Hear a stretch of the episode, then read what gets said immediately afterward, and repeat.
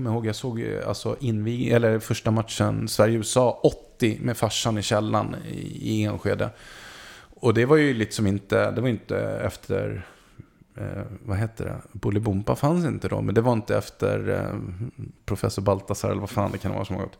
Men då, är det liksom, ja, men då var det så här, ja men då får du gå och lägga dig nu och så väcker vi dig i natt. Och så väckte de mig på natten och så satt vi och sov. Det kommer jag ihåg, liksom, som du, vi pratade också tidigare om att kastas tillbaks i... Eh, man får väl vältra sig lite i nostalgi ibland också, vad fan. Sannerligen, ja. det är därför jag har den här Ja, podden. men precis. Nej, men någon, eh, snart är eh, råttet mogat alltså. Persson! Lägger på blå för loppen, kommer skjuta, fintar skott, spelar pucken höger istället, Davidsson skjuter, man lever över returen! Skottläge kommer där! Kan jag få låna micken? I mål! Hur skjuter karln? Hur skjuter han? Jag kan bara säga att det där är inget skott faktiskt, Lasse. Det där är någonting annat. Det där är liksom, han skickar på den där pucken så jag nästan tycker synd om pucken. En grinar när han drar till den. Utan Fröbo var målvakt! Kan jag få låna micken? Kolla! Poff! En allvarligt talat Leif Boork håller på med hockey i 600 år! Kan jag få låna micken? SHL-podden från Betsson är detta och det är ett SHL-podden retroavsnitt där jag, Mårten Bergman, intervjuar gamla klassiska elitseriespelare. Idag har turen kommit till eh, förre före Djurgårdsbacken Björne Nord. Vad vi pratar om det hittar ni i beskrivningen till podden och mig når ni på att Martin Bergman eller att SHL-podden. Helst på Instagram, men det funkar med Twitter också. Nu ska inte jag orda mer utan vi spolar tillbaka klockan till den 18 november. Björn Nord, mycket nöje.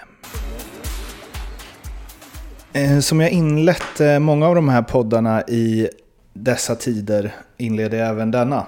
Hur mår du? Jo tack, det är bra. Eh, Det finns väl egentligen bara ett svar att ge om jag sitter här. Eh, Men det är bra, jag har klarat mig eh, utan någonting i dessa tider. Så att, eh, jag ska inte klaga. Om ni undrar varför det inte är krispigt studioljud så är det för att det här spelas in på vårt eh, kontor.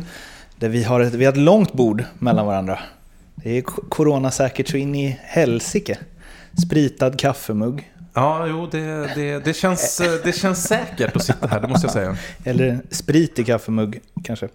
Eh, vi eh, ska ju prata om en, eh, en svunnen tid. Ja, det brukar bli så när jag blir tillfrågad att vara med nu för tiden. Och jag har mina aningar om varför det är så. Okej, ja. Eh, och här måste jag säga att eh, ja, men den här idén föddes lite som jag berättade i tidigare avsnitt för ni som lyssnat på dem. Ni får ursäkta upprepningen, men det är lite så här Hockeybilds-eran och eh, Sega Mega Drive, elitserien där och så. Och då var ju du, du var ju en vass back under den eh, eran. Djurgården var bra och kan det varit du och eh, var det Thomas Johansson? Om du fortsätter och säger så kan jag försöka närma mig. Ja, det kan ha varit jag och Thomas Johansson. Ja, jag tror att Som spelade var- ihop eller? Ja, vi, exakt. spel, vi spelade ihop eh, väldigt mycket. Jag spelade ihop med... Eh, det är väl en av dem jag har spelat kanske mest ihop med då. Eh, Thomas Johansson, Marcus Ragnarsson och... Men, men jag och Thomas spelade ihop under en lång period. För på de här Sega Mega Drive var jag för mig att typ alla spelare var, spelare var väl ungefär lika bra. Det var ju liksom innan. Åh, vad härligt. det var ju liksom innan de hade korrigerat att så här, ah, Gretzky är bättre Okej. än Johansson. Men då, då hade man ju ändå en känsla av att ehm, eh, Nord och Johansson var ett riktigt bra backpar. Och riktigt bra powerplay. Det kändes liksom offensivt, frejdigt, hårda skott. Ja, jag eh, kan nog inte, jag sitter nog inte här som någon form av expert eller retro på, på, på, på, vad heter det? Jag säger dataspel då, det är väl förmodligen så att folk eh, vrids av skratt. Men för mig heter det dataspel. Eh, och som sagt, jag är ju lite äldre än vad du är. Så att jag höll på att säga, min, min eh, era av dataspel, det är ju lite som Atari och de här Ja, ja, flipper på pizzerian och mata in eh, fem kronor eller en krona eller vad det var. Men är det du säger att du aldrig spelat med dig själv på Sega? Eh, det kan hända att jag har gjort det eh, vid något sånt här event eller någonting Mm. på Annexet eller något. Eh, mina, jag har yngre bröder också som spelade, så att de har nog bättre koll på mig än vad jag har på mig själv. I alla fall i den världen. Eh, I den riktiga världen har jag lite svårare att komma undan eh, vad som händer på, på banan och så. Vi ska börja det här programmet lite annorlunda än de tidigare. För jag har nämligen eh, fått eh, införskaffa lite gamla hockeybilder. Eh, och då fick jag tag i Elitset eh, 94-95 Leaf. Eh, Premium Swedish Hockey Cards. Jag tänkte du skulle få öppna ett sånt Ja, paket och se om du eh, eh, hittar några spelare du känner igen. De sitter, är, de sitter som berg. För de, de är ju 26 år gamla. Sådär. Så får du gärna... Eh, det blir- Det är, det är lite julaftonvarning här då. Exakt.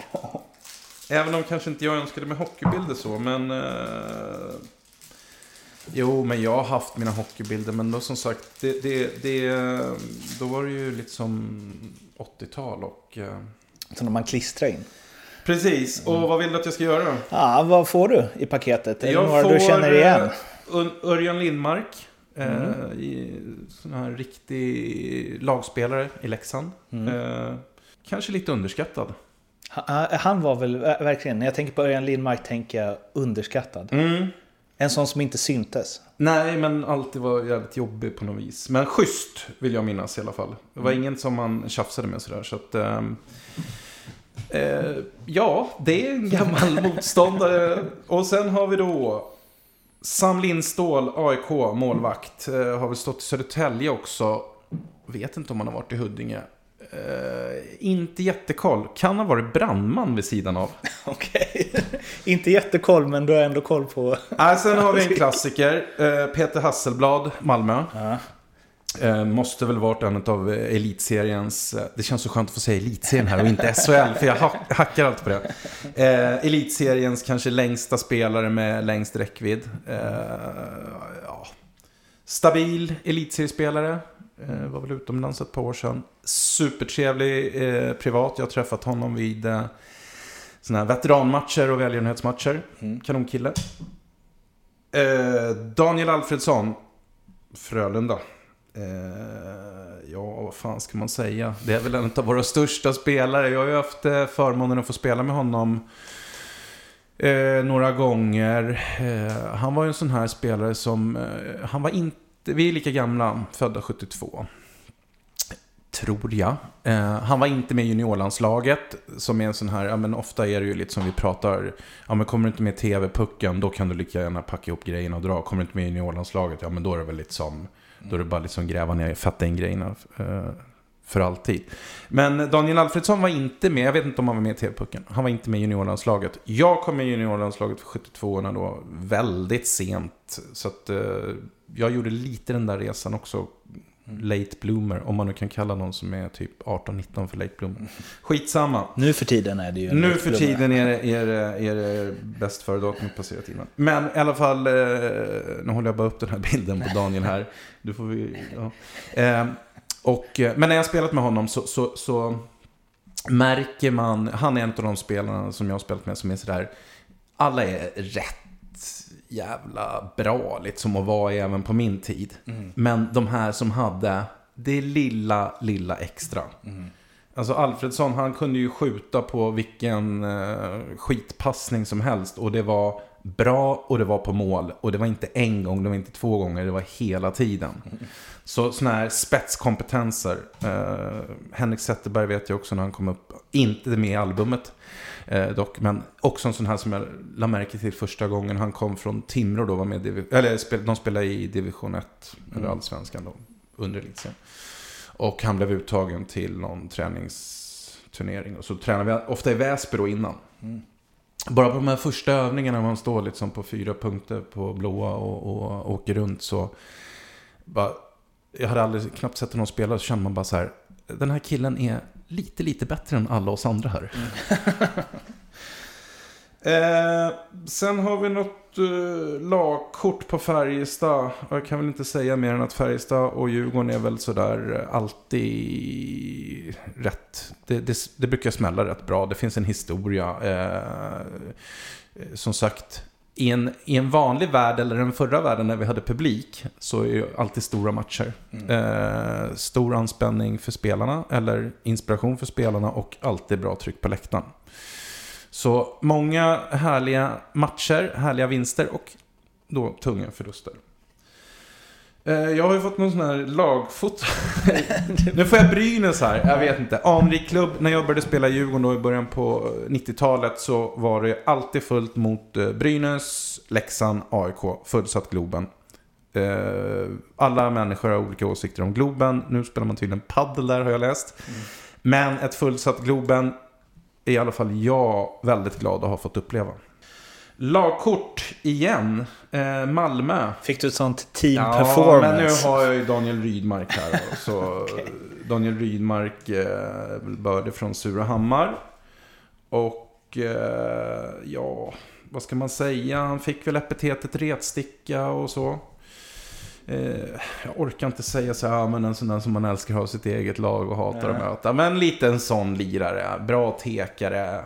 Var väl inte snabbast i elitserien, men jävligt smart. Mikael Lindman. Brynäs spelade han i vid den här tiden. Eh, spelade i HV sen också vill jag minnas. Superstabil elitserieback som eh, har gjort en del landskamper. Eh, väldigt trevlig vid sidan av också. Bra kort. Ja, mycket. När får jag albumet? Jag måste sätta in dem.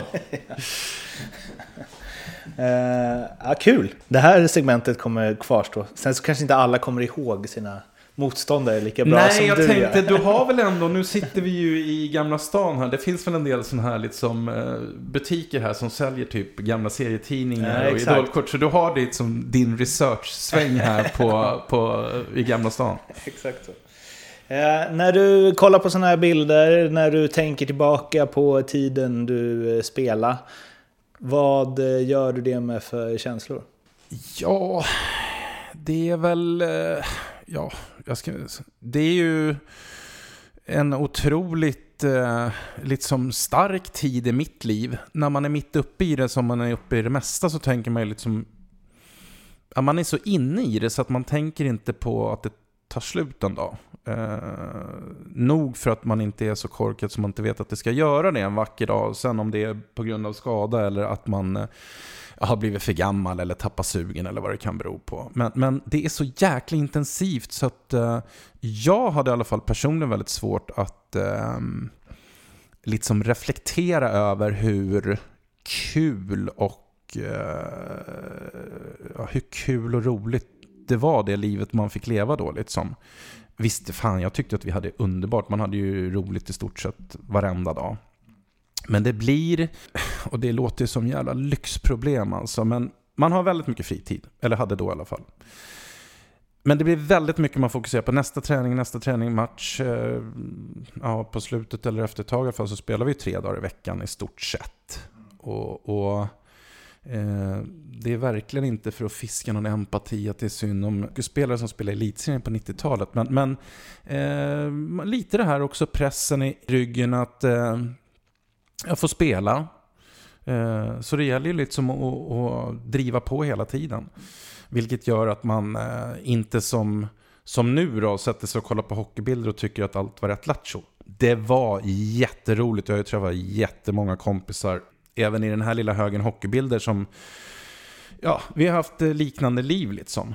Så att, eh, men annars så tycker jag, liksom jag, när jag ser tillbaka på det, jag har fått representera det laget som, som, eh, som jag alltid har hållit på, lite som Djurgården i, vad fan blev det då, 12 år eller någonting. Och, och hade någon sagt det till mig när jag var kanske 9, 10 eller 8, 9 och stod i Triangelparken och sköt eh, slagskott i Snövallen, liksom, då hade man ju trott att den personen hittade på. Kan du liksom sitta och titta på gamla bilder eller vad vet jag, någon gammal VHS eller så och liksom njuta av det idag? Ja, men det... Jag sitter ju inte och gnuggar en hel match. Men, eh, ja, men som vi flyttade väl för något år sedan här och då blir det ju att man gräver i kartonger och, och liksom eh, hittar grejer. Och det är ju jätteroligt. Då blir man ju en sån här riktig jävla retro-gubbe. Eh, ja, som den gubben man är eh, i, som det står i födelsedatumet. Eh, men det är jätteroligt och, och um, ah, det blir ju lite som man, man eh, tar kort på kortet med telefonen och skickar till eh, de som är med. Då, som, eh, man har ändå stött och blött en hel del med, med många olika personer. Och vissa träffar ju fortfarande när man får gå på matcherna. Jag eh, har en, nu har jag inte sett den på liksom 20 år. Och det är möjligt att sådana gamla band eh, tappar bild och så vidare. Men eh, jag vet att jag hade en match med, och jag håller ju på Leksand, men jag hade en match med Djurgården-Malmö inspelad. Jag tror det blev 6-6. Mm. Eh, som jag, fan jag tror, alltså när jag var så här 10, 11, 12, jag tittade på den Det är nog den match jag sett flest Mm. gånger i mitt liv. För att jag visste att det skulle bli massa mål. Eh, och det är ju, jag tror att jag skulle se den idag så skulle det, man liksom slängas tillbaks till den tiden på så många andra plan. Mm. Bara för att man ser något som så, så starkt ger en liksom flashbacks till då. Eller vad säger.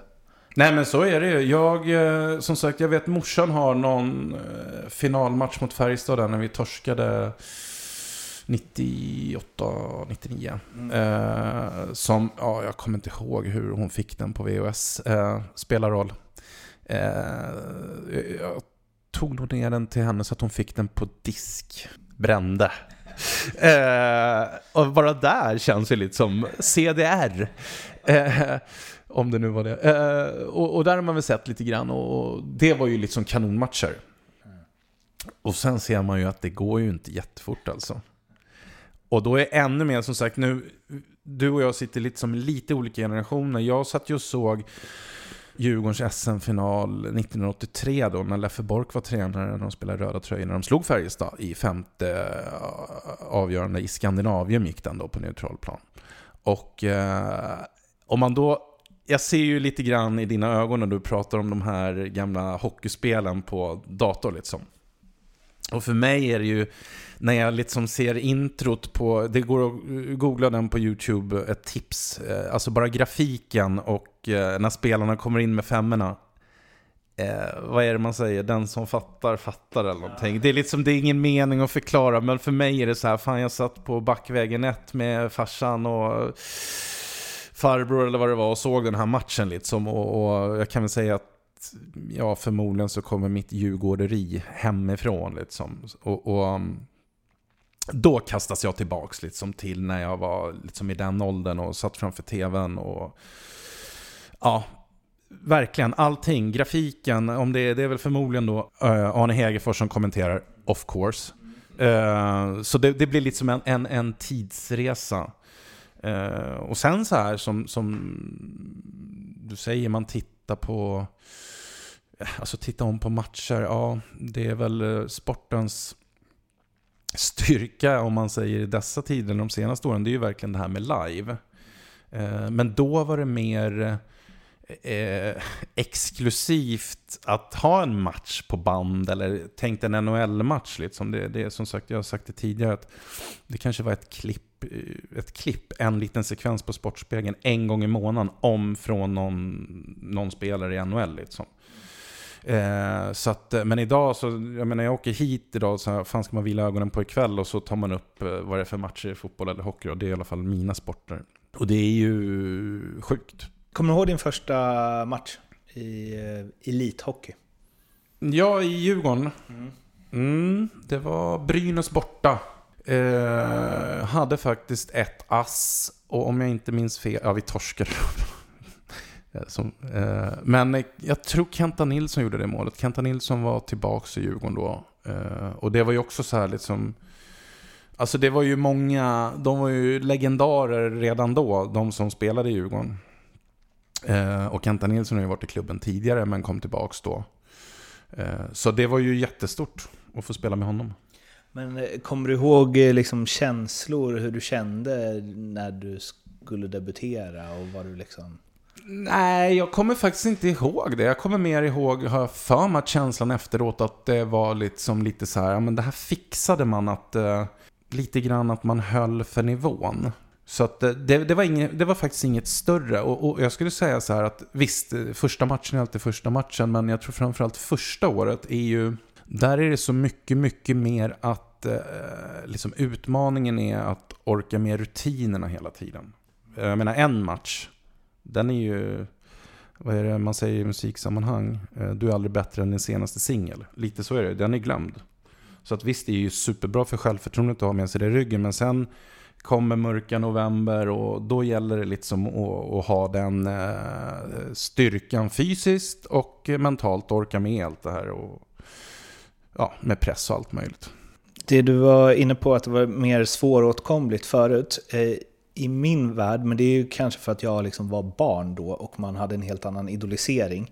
Men jag tänker ju att, ehm, eh, att ni var större stjärnor än vad dagens SHL-spelare är.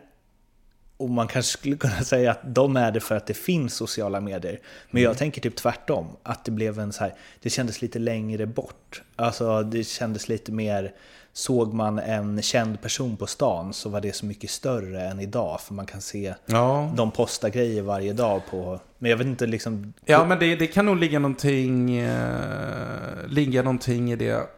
Eh, vi var väl tillgängliga så tillvida att, att eh, ja, men man var ute på något event och skrev autografer och det var väl inga problem. Jag tror att i Stockholm är man ju inte...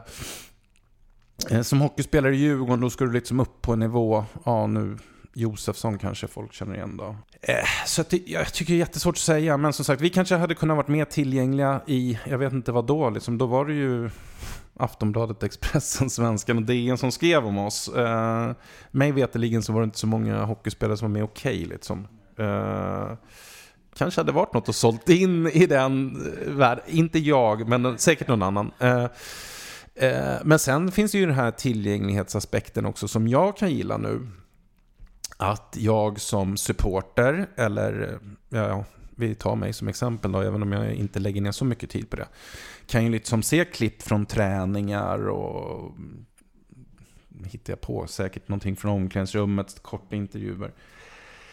Hockeyn är ju jäkligt bökig eh, så tillvida att du, du kan ju liksom inte, som om jag drar paralleller med Djurgården fotboll, där är det ju bara att gå ner på Kaknäs och ställa sig och kolla när de tränar. Och, och de är ju supertrevliga, liksom hela Djurgården fotboll där och tar hand om kidsen och skriver autografer när de går därifrån. Och det gillar man ju. På Globen, då ska du ju liksom ha akkreditering eller, alltså, alltså det blir, eh, det blir för mycket meck. Eh, och jag är ju så gammal så att Globen fanns ju inte ens när jag växte upp. Och jag är ju uppväxt i Gamla Enskede som då ligger ett eh, stenkast från, eller tio minuters promenad från eh, Hovet då, slakthusområdet. Och då fanns det någonting som hette Lilla Hallen eller Lilla Hovet. Och där hängde man ju jättemycket och kollade på träningen. Liksom Djurgården, Bayern, Gnaget, bara för att stå och kolla. Så att det, där skulle jag nog säga att eh, sociala medier är ju en jättebra grej för att profilera spelare. Och inte bara de här matchgrejerna utan de här ja, men vardagsgrejerna. Så folk är intresserade. Eller jag var det i alla fall när jag var typ 8, 9, 10 och sprang där uppe. Vissa spelare som jag pratat med har, pratat, har sagt att det var, det var mycket roligare förr. Eh, Man kunde åka upp och möta Luleå och sen sätta sig i bastun och ta en bärs med Jarmo Myllys. Eh, och sen gå ut med motståndarlaget. Och det var liksom... Det var inga problem med det. Och det var mycket mer liksom... Jag tror det var Burakovsky som pratade lite om han bara, det var liksom som att det var på en amatörnivå fast vi var bäst. Så vi var proffs. Eh, alltså, Ja, ja, förstår du vad jag menar? ja. Alltså att så här, eh, och det var väl från spelare till spelare förstås, men det fanns ju också, alltså idag går det du kan ju inte gå ut och kröka med motståndarlaget efter en match. Dels för att något av lagen kommer att ha förlorat och det kommer komma ut bilder på sociala medier och supportrar kommer bli lacka på det. Eh, Men också för att eh, det ställer så enorma krav på de som spelar idag att vara i fysiskt och mentalt topptrim hela, hela, hela tiden. Mm. Liksom. Vad är dina reflektioner? Nej, men Burra är ju Burra och det... Jag vet inte, jag kan inte erinra mig att man liksom, nu behöver man inte ta det där bokstavligt med att ta en, eh, en öl i, eh, med motståndarna i bastun liksom. Så var det inte riktigt, utan de, i alla fall när jag spelade så, så höll man sig på sin kant, eh, liksom, man, man eh, vann och förlorade ihop och sen åkte man till hotellet och käka och sen visst, fan har man varit på, ute i Luleå eller mm, vad det nu kan vara och liksom tagit en bira efteråt och träffat någon i motståndarlaget. Eh, det är ju, eller då var det väl i alla fall en ganska liten värld också. Det var ju många som spelade många, alltså vi var ju ganska satta trupper om man säger innan Bosman. Det var inte så jävla stor variation på spelare. Det kom, försvann två, tre, fyra stycken och kom in lika många. Så att man kände ju varandra och spelat kanske med varandra i landslag. Så att, eh, jag skulle nog säga att eh, eh, en ganska naturlig grej, ungefär som att du går ut på krogen och träffar en kollega inom något annat produktionsbolag som du känner. Så morsan är liksom och snackar och snackar skit om eh, någon annan produktion eller någon chef. Och vi hade väl någon tränare som var för hård eller för bra eller för dålig eller någonting. Så att, tradigt branschsnack fast det var hockey liksom. Eh, så att eh, jag vet ju inte hur det är idag. Men däremot så vet jag ju att man är ju, ja, de är väl påpassade hela tiden med, med, eh, ja, med telefoner och kameror och bilden blir bättre och bättre. Och, och så det är inte bara sådana här liksom gryniga bilder när man får gissa sig någonting. Utan det förstår jag att det, det det är ju en anledning till att sköta sig. Eh, samtidigt som sagt, eh, eh, ja, det var nog, det kanske var lite mer avslappnat förut skulle jag kanske säga. Var det roligare då, alltså utifrån en så här att alla, eh, ja men det känns som ju yngre spelarna är, desto seriösare är de. De som växer upp idag, man vet från att man är liksom tio att man måste sköta allt super för att det är inte så mycket, eller jag får i alla fall känslan av att det inte är så mycket lek längre. Nej, jag, jag vet ju inte riktigt. Jag har inte tänkt med hela svängen. Det är säkert så. Man ser ju mycket med, det är ju liksom uh, allt, eller väldigt mycket har ju någonting med, med uh, Alltså det heter akademi och det är academy hit och dit och liksom. Man går på extra grejer och, och, och det är väl kul. Samtidigt så jag som sagt har en son då som är 14 som spelar och en som är 12 som spelar. Och det blir rätt mycket ändå. Och jag kan väl känna någonstans att det är lite som kommer några år där det händer jävligt mycket med en själv och, och skola och omgivning. Man växer olika fort och långt och brett. Och får liksom sitta och kuska ut uh, rätt sena tider. Alltså alla som har spelat eh, vet ju om vad jag pratar om. Men liksom bränna krutet i båda ändarna när man är liksom, kanske som vissa då uppåt, vad kan det bli, 15-16 efter tv-pucken och, och så. Tycker jag är lite synd. Jag tror att man kan, man kan, jag tror inte, jag är ganska övertygad om att man kan ha is i magen. Men det är jävligt svårt för det är, man ser på vad grannens beslut är, vad, vad lagkompisar gör och det är ju mycket snackligt som eh, att hela tiden vara med och, och, och mm, ja, jag tror att tröttsamt att säga det, men föräldrarna har ett jättestort ansvar i det här. Eh, vem är det som driver på liksom? Och eh, eh man kanske också kan vara, man kanske måste inta den positionen att hålla tillbaks lite. Jag menar, jag tycker ju superkul när jag ser att eh, mina barn, mina, jag har två döttrar också som älskar att åka skridskor, liksom åker ner på Östermalms IP eller i Vasaparken och, och, och bara kör. Eh, det är ingenting jag vill hindra för, eller från. Eh, men när det liksom blir träningar och träningar och träningar och träningar och liksom man måste få ta... Man måste få stanna upp lite också när man är liksom 12, 14, 16. Jag frågade om du kommer ihåg din Första match. Mm. Kommer du ihåg din sista? Ja, det gör jag faktiskt också. Jag tror att det, den gick nog inte ens till full tid för mig. Uh, jag hade ju tragglat med en skada då i bäckenet i, ja, fan var det? Jag kommer inte ihåg hur lång tid det var. I det långa loppet så var det inte så lång tid, men det, när man höll på så kändes det som en evighet. Och uh, hade väl micklat fram och tillbaka där med, med um, stretch på kors och tvärs, eh, styrka bål, styrka rygg. Jag vet inte allt möjligt men, men eh, och, och eh, ja, Voltaren käkade man ju naturligtvis. Och tog även ett par kortisonsprutor som jag fick sjukt bra effekt på. Eh, men det var ju bara det att man drog igång och tränade fem dagar i veckan eller matcher och så. Så att det blev liksom kortare och kortare livslängd på den här eh, aha-känslan när man har tagit en sån här spruta och känner sig fräsch. Eh, så det kan det varit 2003 tror jag, kanske december. Så eh, då hade jag liksom bestämt mig någonstans där i, eh, ja, om det var sista sprutan jag tog då, att liksom, när det här, om den här livslängden tar slut på att inte ha ont, då kliver jag av. Då, det funkar inte, det blev för mycket fusk på träningar och sådär. Eller fusk, jag gjorde väl det jag kunde, men, men det tas ut liksom i kvaliteten på allting. Så jag tror att min sista match var 2003, kan ha varit december, kan ha varit november. Eh, mot Södertälje tror jag. På, på, om det var Hovet eller Globen kommer jag inte ihåg. Och då var det liksom, då kände jag väl att det högg till och, och då klev jag av och liksom då var det, eh, ja, det visade sig att det var över då liksom. Så att sen rehabbade jag ju, eh, ja säkert ett år efter.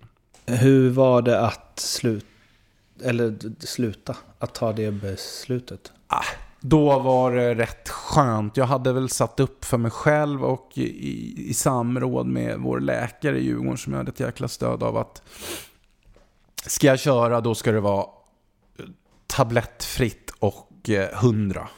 Eh, alltså väldigt on-off.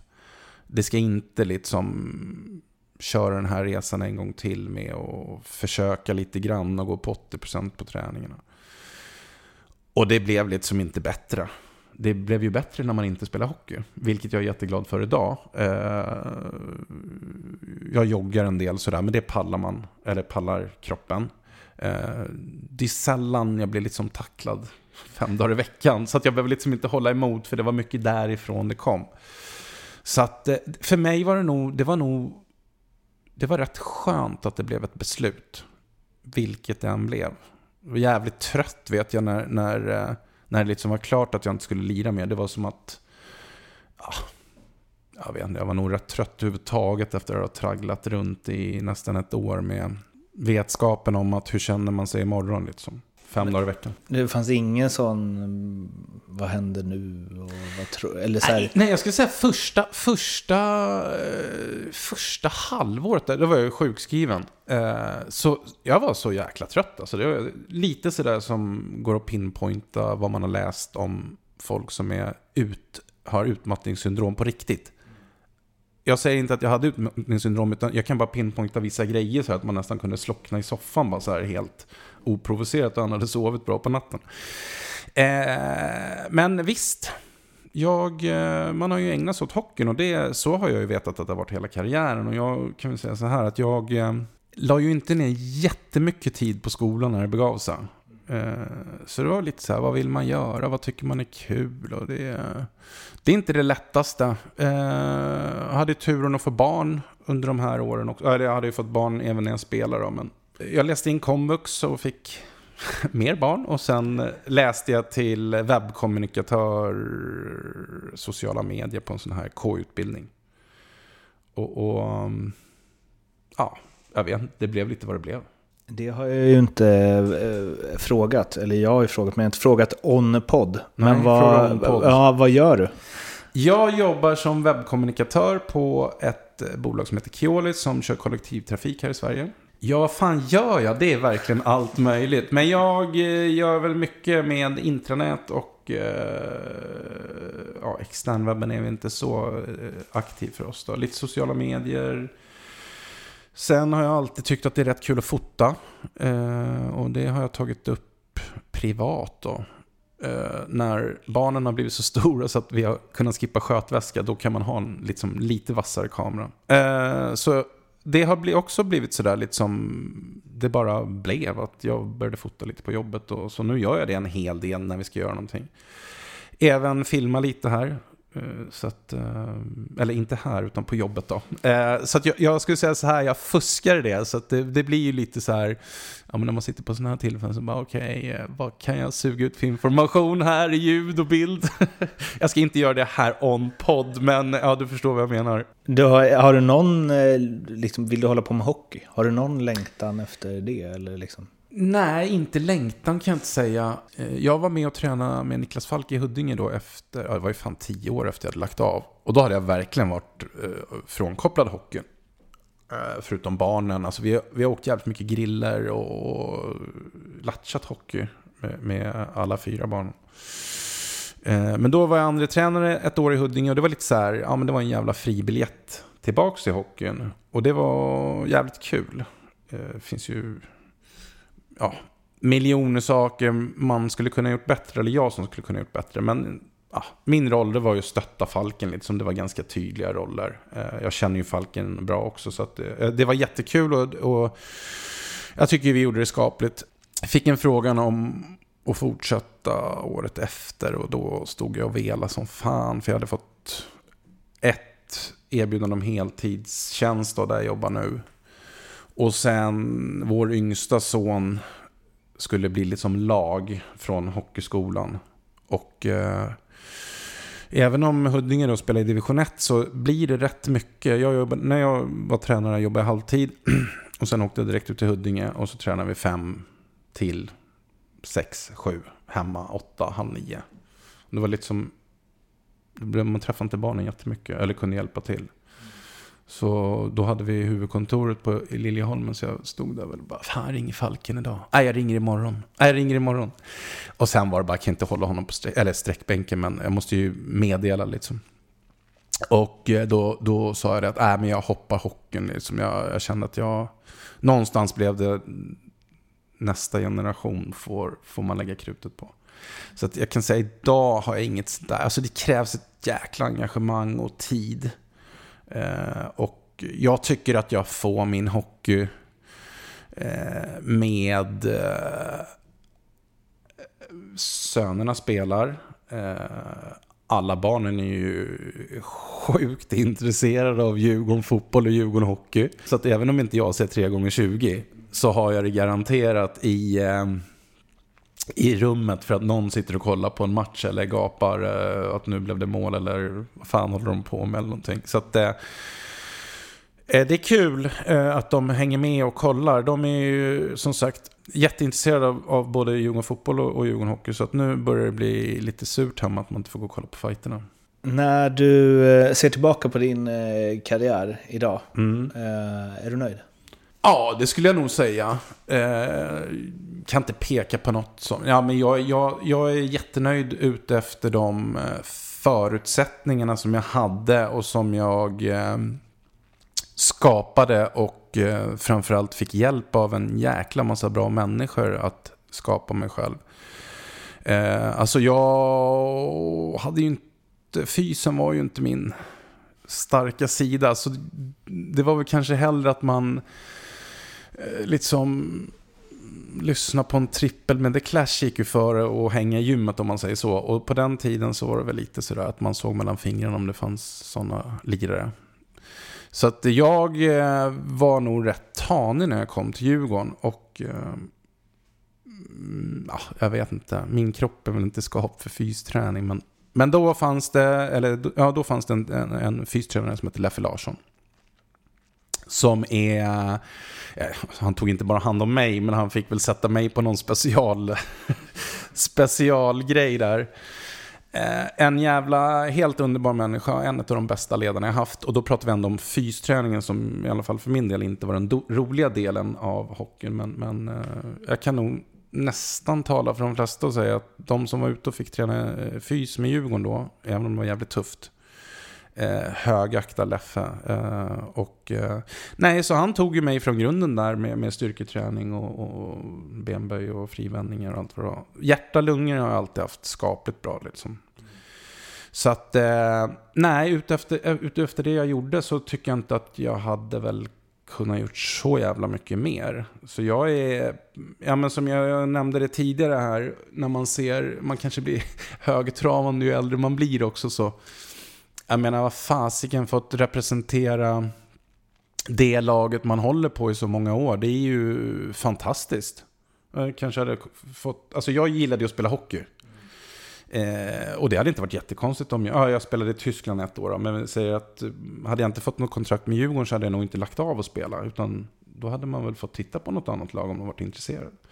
Så att eh, när man målar med de, med, med de breda penseldragen så är jag ju ruggigt nöjd att ha fått spela så mycket och med så bra spelare och mot bra spelare.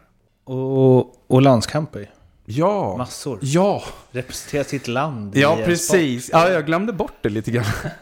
Nej, men nu har vi pratat, det blir väldigt mycket Djurgården. Ehm, och landslaget var, det är ju också nu, är det så här, klyscha, klyscha, eh, bonus, bonus. Uh, ja, man måste vara liksom helt ärlig. Jag var ju inte den där uh, toppen, toppen. Det fattades lite till för att vara de här uh, på 90-talet där, men Thomas Jonsson, Challe, Stillman. Det var, det var lite som en stomme där också. Där kunde man vara med ibland så det blev mycket sådana träningsturneringar. Men skitsamma, någon ska göra det också. Nu fick jag spela två VM ändå, det var jätteroligt. Så att...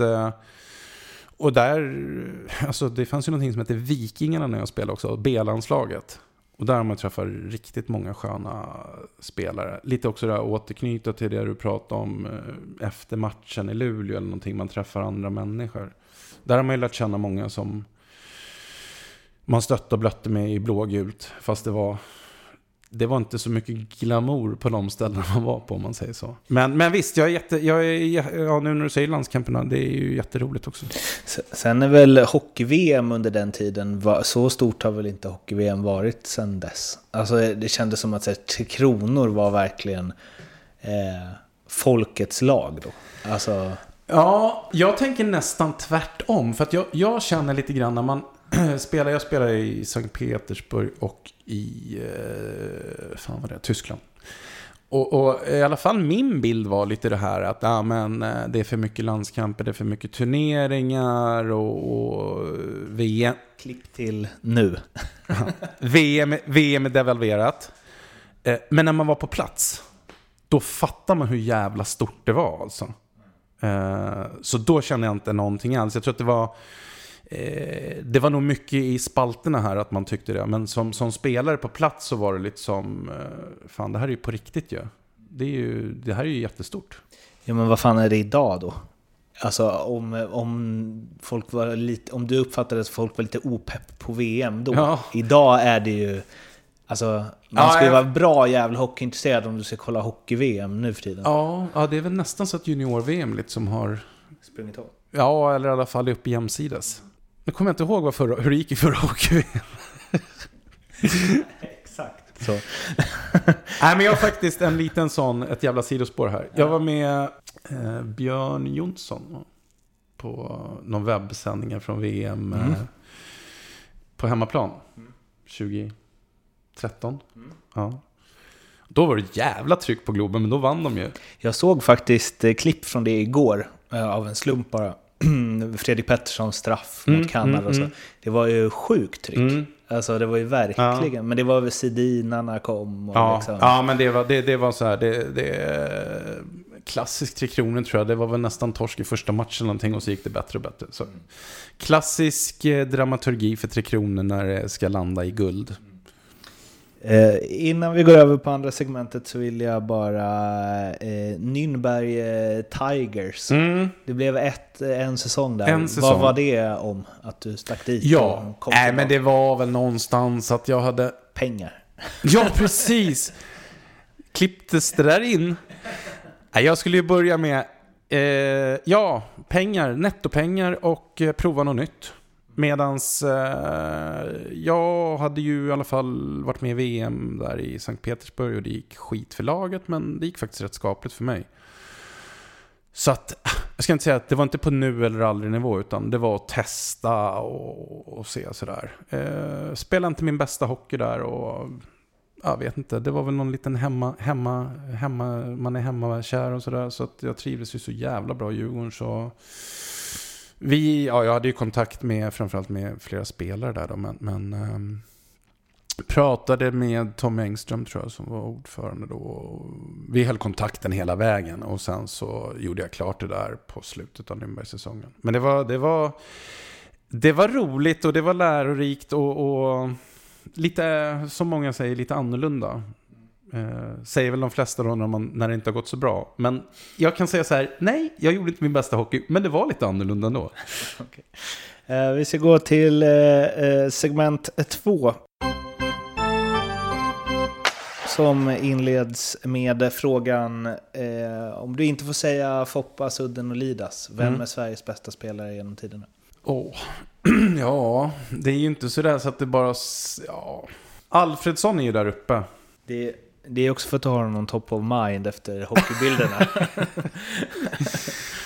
Eh, nej men jag, alltså det finns ju så sjukt många och nu känner jag hur mitt, min, min icke-snabba hjärna går på högvarv här. Eh, man vill ju gärna ha någon sån där allroundare men det är... eh, bästa, inte för... Ja, Salming då. Börje Salming.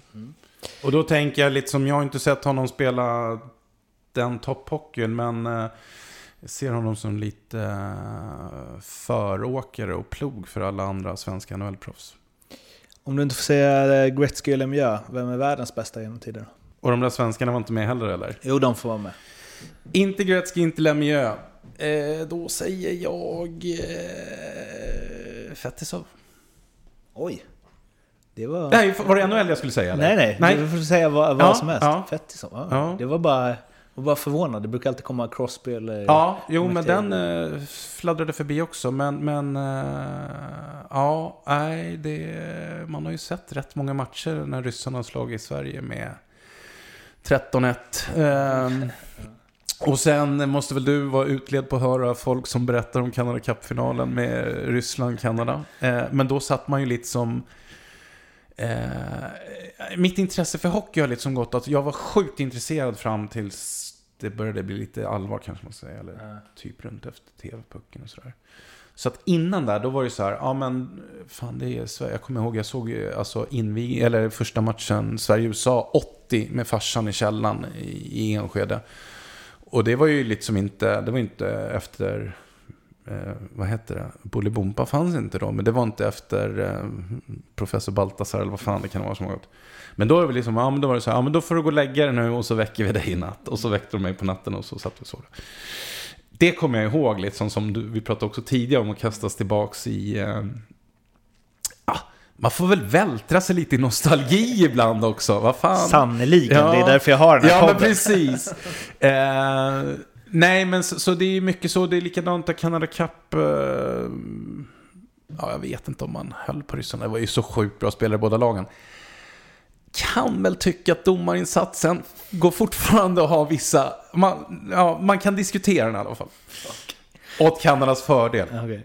Det är en annan podd. Om du får tänka helt fritt, eh, vilken regeländring hade du velat testa inom hockeyn? Ja, det är ju, jag kan inte säga någon speciell. Jag tycker det är jättesvår diskussion det här med tacklingar och det alltså. Eh, och, och det är fruktansvärt med alla hjärnskakningar. Sen ibland när jag sitter och tittar så, så tittar jag och, och, och tänker så här, men, men spelaren tittar ju ner. Eh, och jag ser det väl lite som... Eh, ja, jag vet inte om det är en utbildningsfråga eller om det går så sjukt fort att man absolut inte... Alltså, när vi spelade då kunde man ju lite som nästan låsa fast någon med klubb. Alltså det bromsade jag farten på väldigt mycket ont. Men jag vet inte om det finns någon statistik på jämförelse på hjärnskakningar. Mig veterligen in, så kommer inte jag ihåg att det var så jävla mycket hjärnskakningar som det är nu. Det är ju någonting där som måste bort. Och jag vet inte om det är något regelverk eller om det är utbildning eller båda två. Eh, och jag kan inte säga så här, men jag vill ha tillbaka så att man får screena hej vilt eller liksom interfera för att få ner farten. Eh, men, men någonting där måste göras. Jag kan liksom inte säga om det är någon, sitter i en regeländring eller en utbildning. Eh, jag kan ju bara se att det är ju väldigt mycket träning som är dribbling och eh, skills. Vilket är skitbra. Det är ju grunden till allting skridskoåkning och puckbehandling. Men det är en jävla stor skillnad och dribbla peloner mot när du kommer ut sen på en A-lagsis, eller säkert allsvenskan också, när det är fem motståndare som gör allt för att eh, ta pucken av dig eller stoppa dig. Eh, så att jag, jag kan bli lite konfunderad ibland när jag ser, som jag i alla fall uppfattar det, väldigt många som tittar ner i isen på den kanske dragningen man ska göra. Om jag inte minns fel så när jag i alla fall kom till Djurgården så var liksom en av de största mantrarna var ju liksom upp med skallen. Om du fick ta med något från hockeyn när du spelade till idag, Mm. som har försvunnit, vad skulle det vara? Jag skulle säga eh, någon form av lite som eh,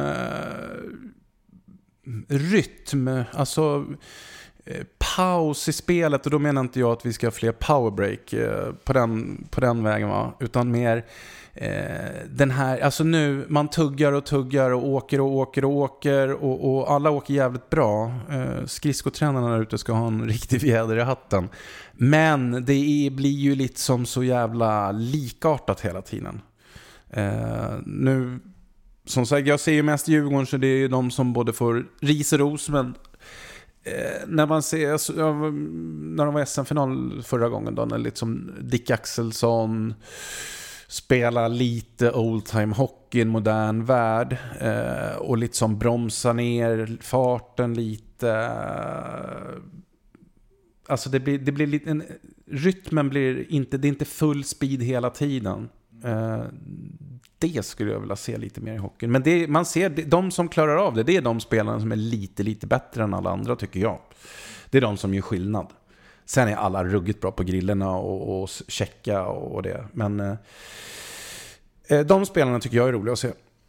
För det är ju lite så, det är väl därför många håller liksom McDavid och McKinnon och de högt. De gör ju den grejen som Dick Axelsson gör, fast de gör det i full speed.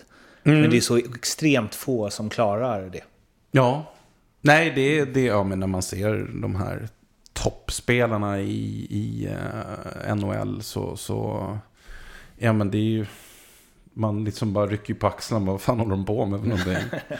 och, och, men det finns sådana i, i SHL också, det är väl det, nu slår jag ut, eh, det blir ju som sagt rätt brett när du ställer frågan så, men, men det är väl det man skulle vilja se lite mer av. Och det är alltid att säga med lirarna, men lirarna måste också...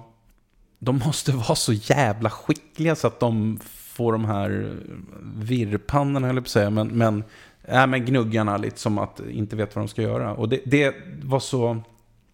Tyckte jag var så märkbart i den här SM-finalen då. Framförallt Dick Axelsson, han är ju vad han är. Och... Eh, men när han var bra då, då var han lite som... Det var som två olika tider som ja, möttes och träffades liksom. Något från eh, när du spelar som du är glad är borta idag?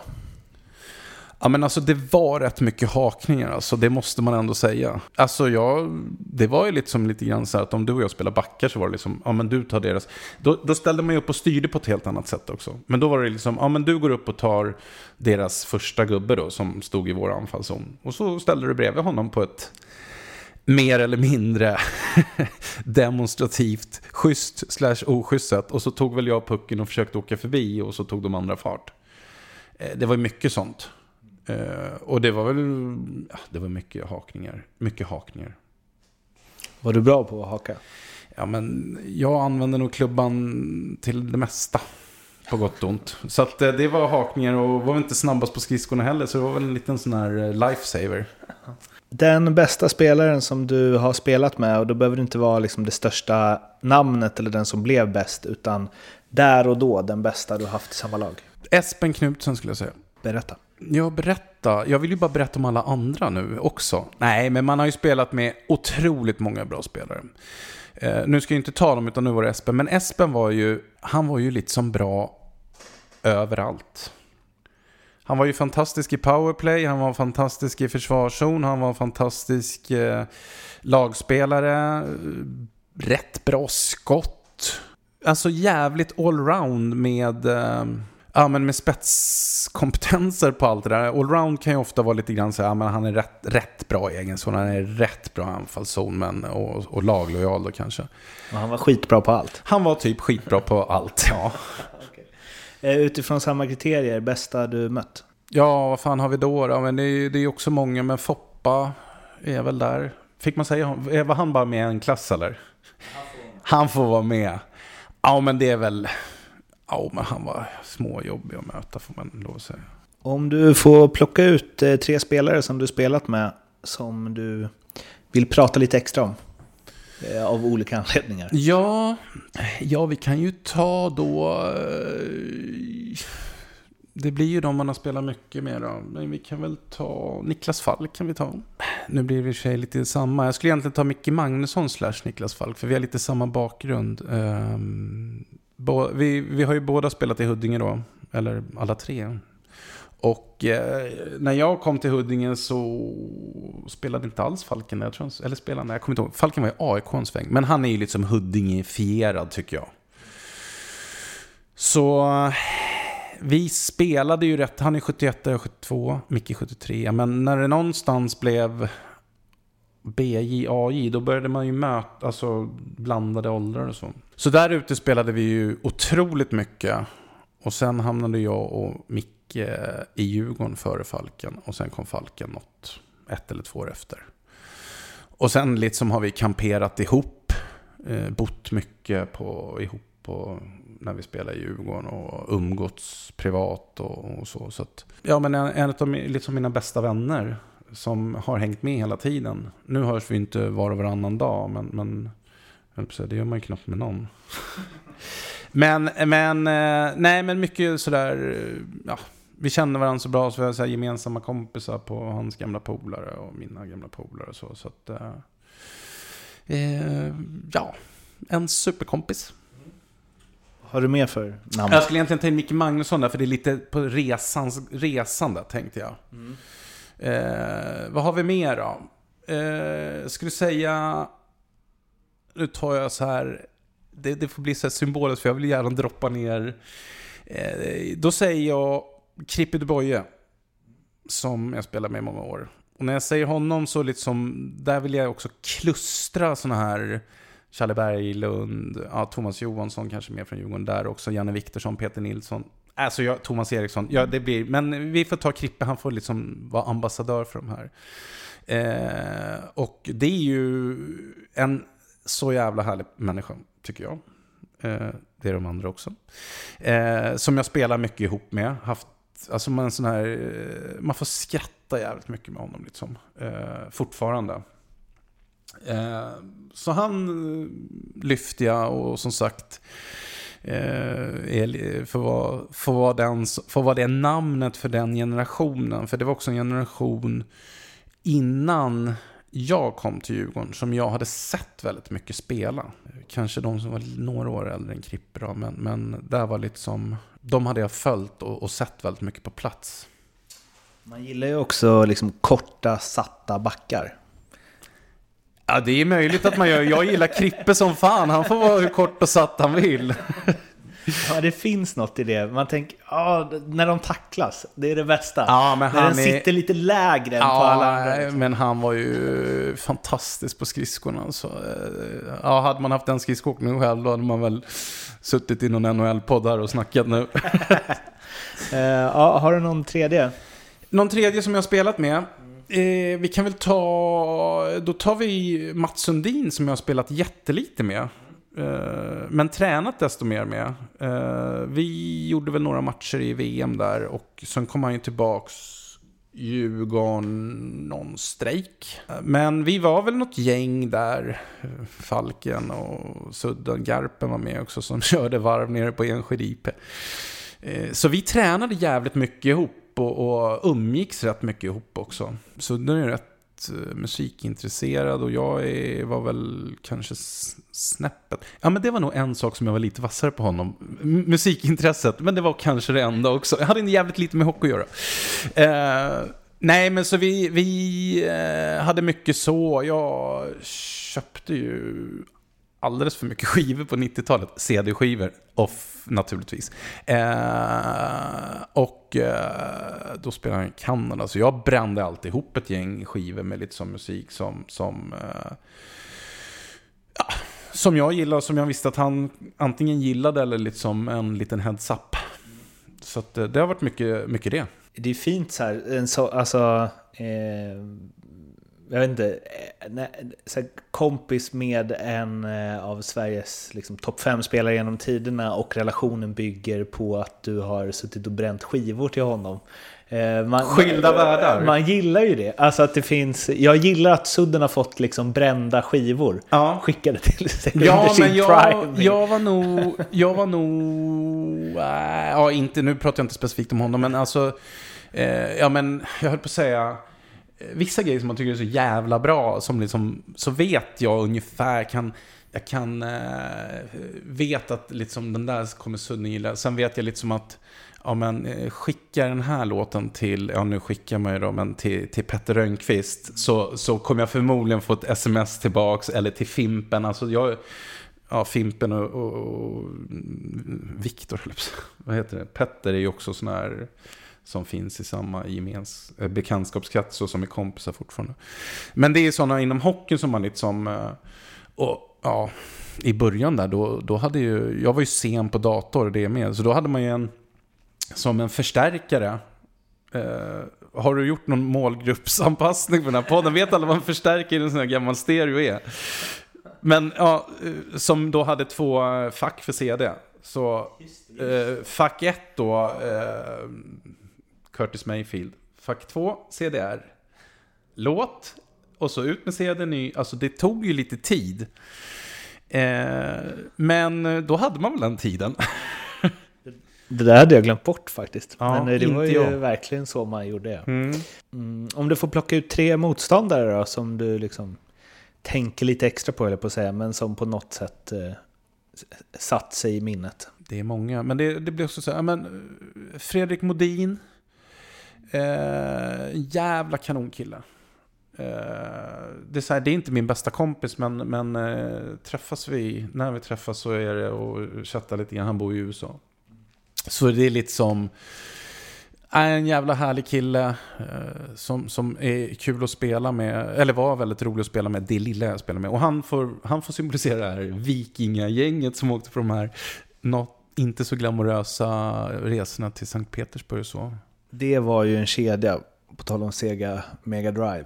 Han, eh, Jonas Jonsson och Dakell. Ja, de låter jobbiga bara jag hör namnen. Och så Modin med sin jävla Cooper 700 eller 7000. Den var hård som ett jävla spett, men han sköt som ett... Sköt hårt. Eh, så det är en fin eh, lirare och en kanonmänniska. Vad har vi mer som man har mött då? Ja, egentligen har jag ju mött Petter Rönnqvist mer än jag har spelat med. Men, men eh, han, nej, han räknas inte i spelare jag har mött. Det måste ju inte vara någon du k- känner överhuvudtaget heller, utan bara någon som du har så här minnen från. Du kanske hade någon du hade mycket duster med? Ja, eh, nej, men åh, nu, det är liksom, ja men Thomas Jonsson. Sån här som man liksom har, ja men vad fan, han var ju med i Lake Placid 80 liksom när, när, eh, när jag satt uppe med farsan och kollade och så spelade han ju i elitserien i många år.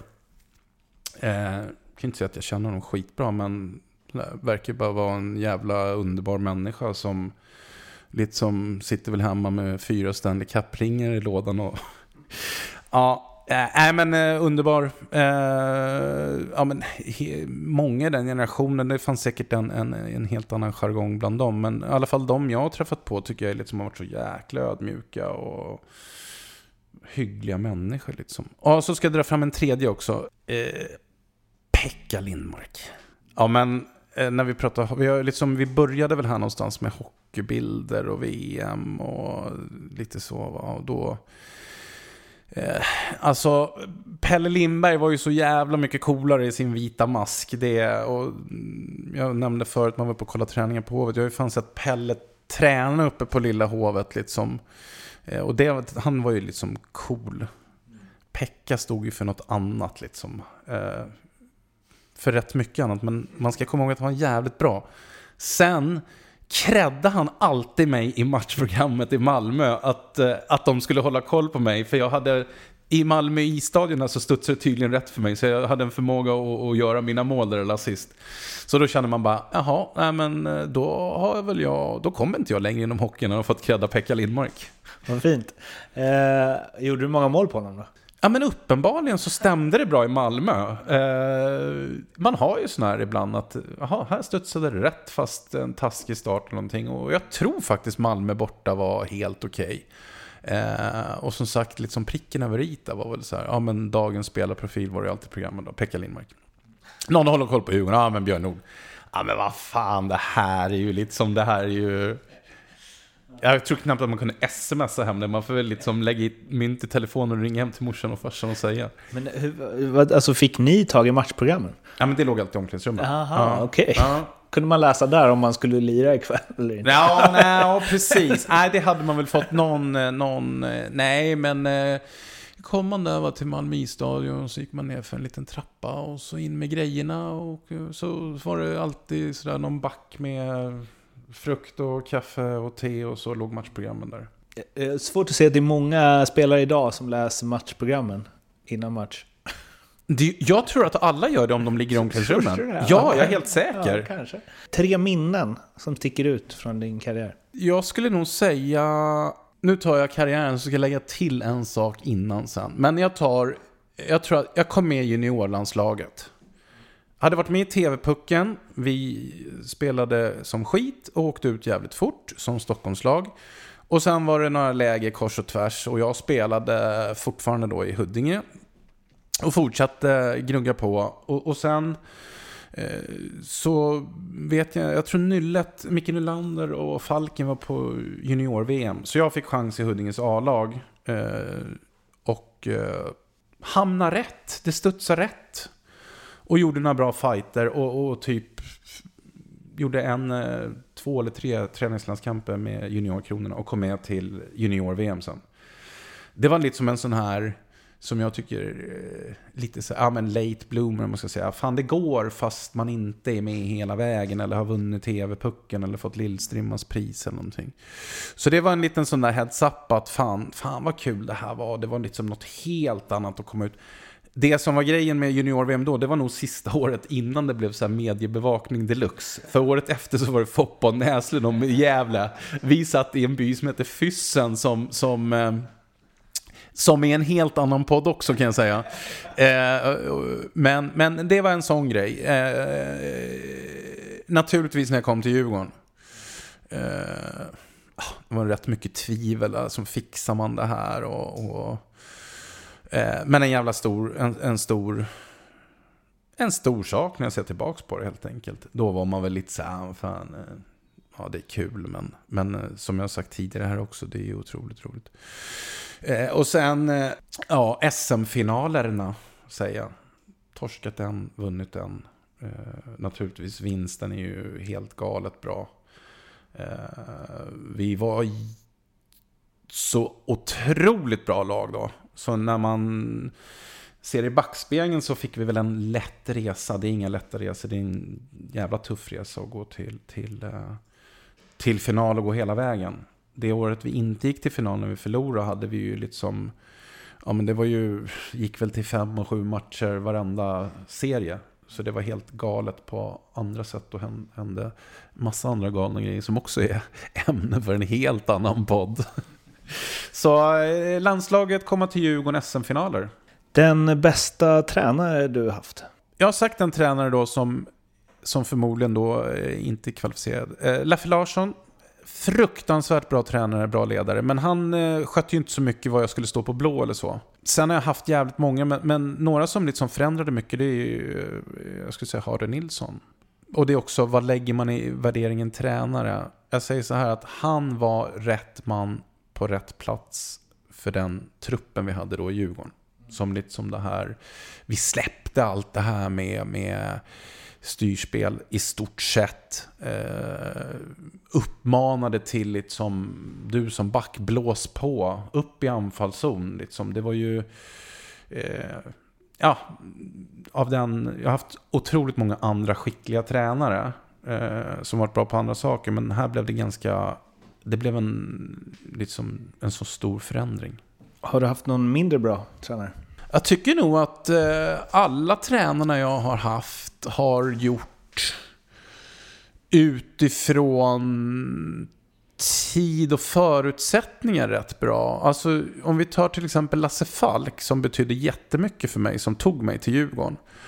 Jag kommer in som ny spelare när det är hans sjätte år som tränare för en grupp som har haft honom väldigt länge, haft väldigt stora framgångar. Alltså de hade ju börjat nöta på varandra så länge.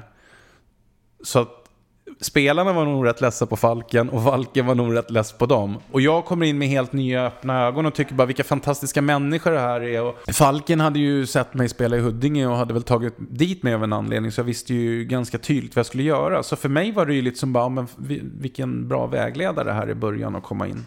Så att det beror ju jättemycket på vad man är lite i, i karriären tror jag också. Liksom. Det finns ju ett roligt exempel på det där från Elfsborgs fotbollslag.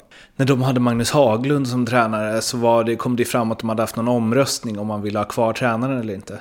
Och 22 av 23 spelare hade röstat att han skulle bort. Mm. Och då ska den 23 som eh, röstade ja då skulle varit Alex Dyer och han hade ju varit där i två veckor eller ja, något. Ja, men precis. det. Ja, nej, det, kan nog, det, det är nog väldigt så då som sagt. Ehm, på gott och ont. Jag menar Djurgården vinner väl tre SM-guld på rad och går till final i fjärde där med Falken. Eh, det, man kan, eller man kan, då gnällde man ju mycket på att det var tråkigt och dittan och dattan. Men jag tyckte liksom inte man såg hela bilden som någonstans landade i faktiskt målet att vinna SM-guld.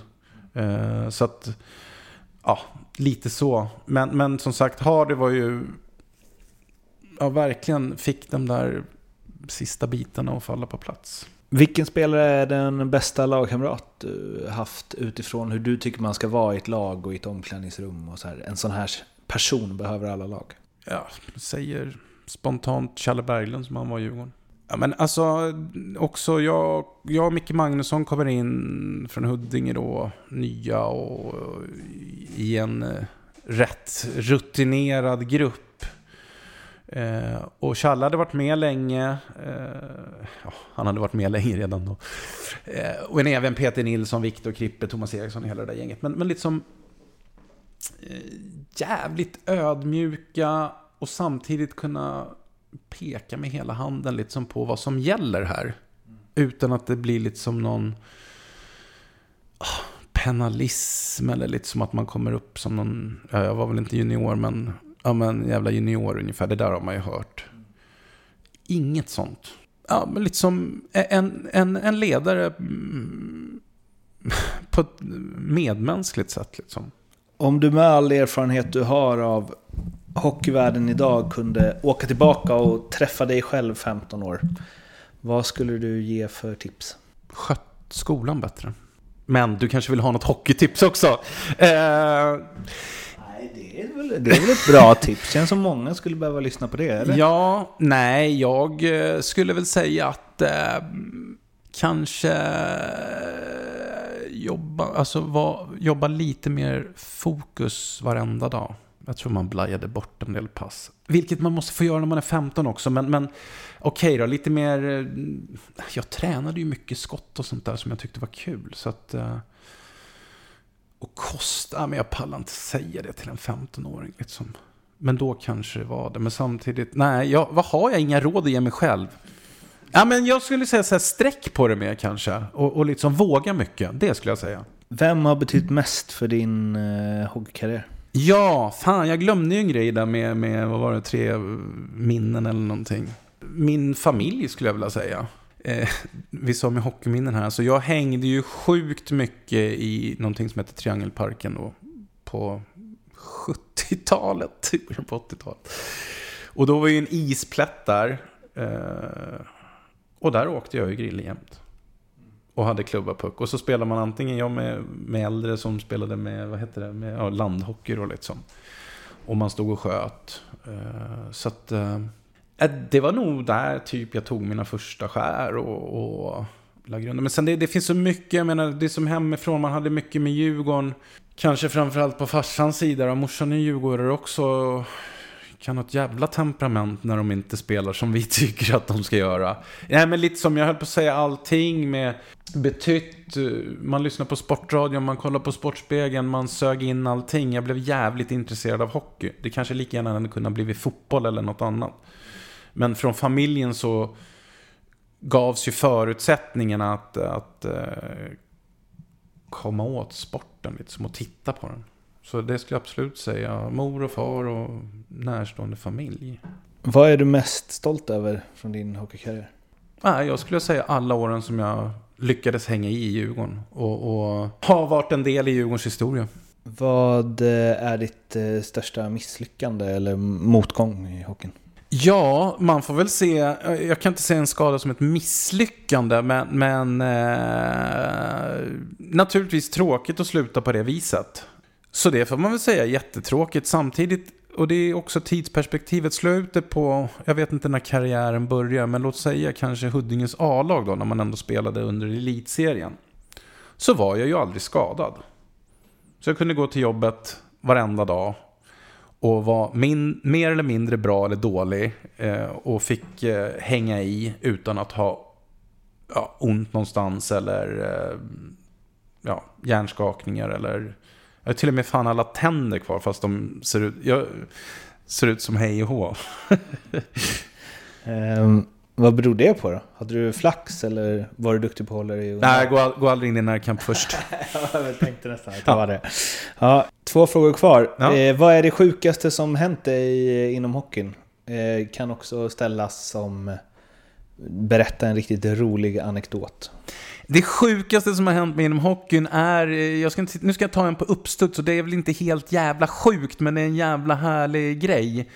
Eh, Skandinavium borta, eh, ja, Frölunda borta då. Jag kommer inte ihåg när det är exakt men eh, jag skulle nog säga så att det går att köra copy-paste på nästan alla tränare som kommer till en bortamatch i Göteborg. Och då säger man så här, första tio, första tio ska vi vara med. Och eh, vi kommer in där på Skandinavien och det är ju... Det kan vara typ mellandagar eller någonting. Jag får något sånt helt irrelevant för historien. Men, men vi kommer väl in där och är inte riktigt eh, så påslagna första tio som Tommy Bostedt eh, mantrat vi ska göra innan. Men till saken hör att isen bakom vårt mål är eh, jävligt rackig liksom. Så eh, jag tror de meckar med det där innan så matchen blir lite försenad. Och, och matchen kommer igång och eh, Frölunda gör ju 3-0 på 10 minuter. Och då går ju isen sönder och det är väl egentligen, jag ska inte säga några namn, men det är väl några som kanske inte håller igen i överstegsåkningen bakom vårt eget mål. Så matchen avbryts. Och eh, ja, med Frölunda leder med 3-0, men får ju spelas om. Och då vinner vi med 3-2. Så det blir en lång historia. Men jag, det, det egentligen jag har minnesbilder av, Eh, det var inte att vi stod och drack bira med Frölunda och spelade på Palen sen, för det gjorde vi nog inte den kvällen. Det var när man gick ut och det var folk i, i Skandinavien som var uppriktigt sagt riktigt förbannade. Det hade, men för, Skandinavien är väl som Hovet och Globen. Det kan väl ha varit någon hästshow eller någonting där, lite som timmarna innan. Och, och, eh, jag förstår att man känner sig lite snuvad som fans. Man kommer dit och är peppad och lite som laget går upp i 3-0. Så bara, hopp, slut, omspel om en vecka. Så att det, ja, sjukare saker har säkert hänt. Men det är ett sånt där, eh, det hände inte så många gånger under min karriär kan jag säga. Andra chansen fast inom hockey. Andra chansen fast inom hockey, ja precis, verkligen. Eh, och slutligen, eh, vilken gammal eh, elitseriespelare, SHL-spelare, det är kanske någon som varit med i övergången mellan eh, ja, namnbytet där. Tycker du att jag borde intervjua i den här podden? Ah, okej. Okay. Ja men det, det är väl bara gå ut och leta hockeybilder och ta en höll jag på att säga. Men det, äh, övergången. Ja, jag tänkte att jag kanske inte skulle ta någon djurgårdare. Uh, du vill ha någon sån här dataspels... Nej, det spelar gärna någon som har funnits på hockeybild, det är kul. Uh, och de slutar väl tillverkas noll? Ja. Fyra kanske. En som är ganska så, kanske har mycket att säga, och Kristoffer Ottosson. Mm. Då... Ehm, tror jag har pluggat lite sommelier och allt möjligt. Så Aha. då kan vi bara sitta här och få lite vintips. Ja. Jag kanske bjuder in dig då också. Ja, precis. du Björne, tusen tack för att du ville vara med. Tack för att jag fick vara med.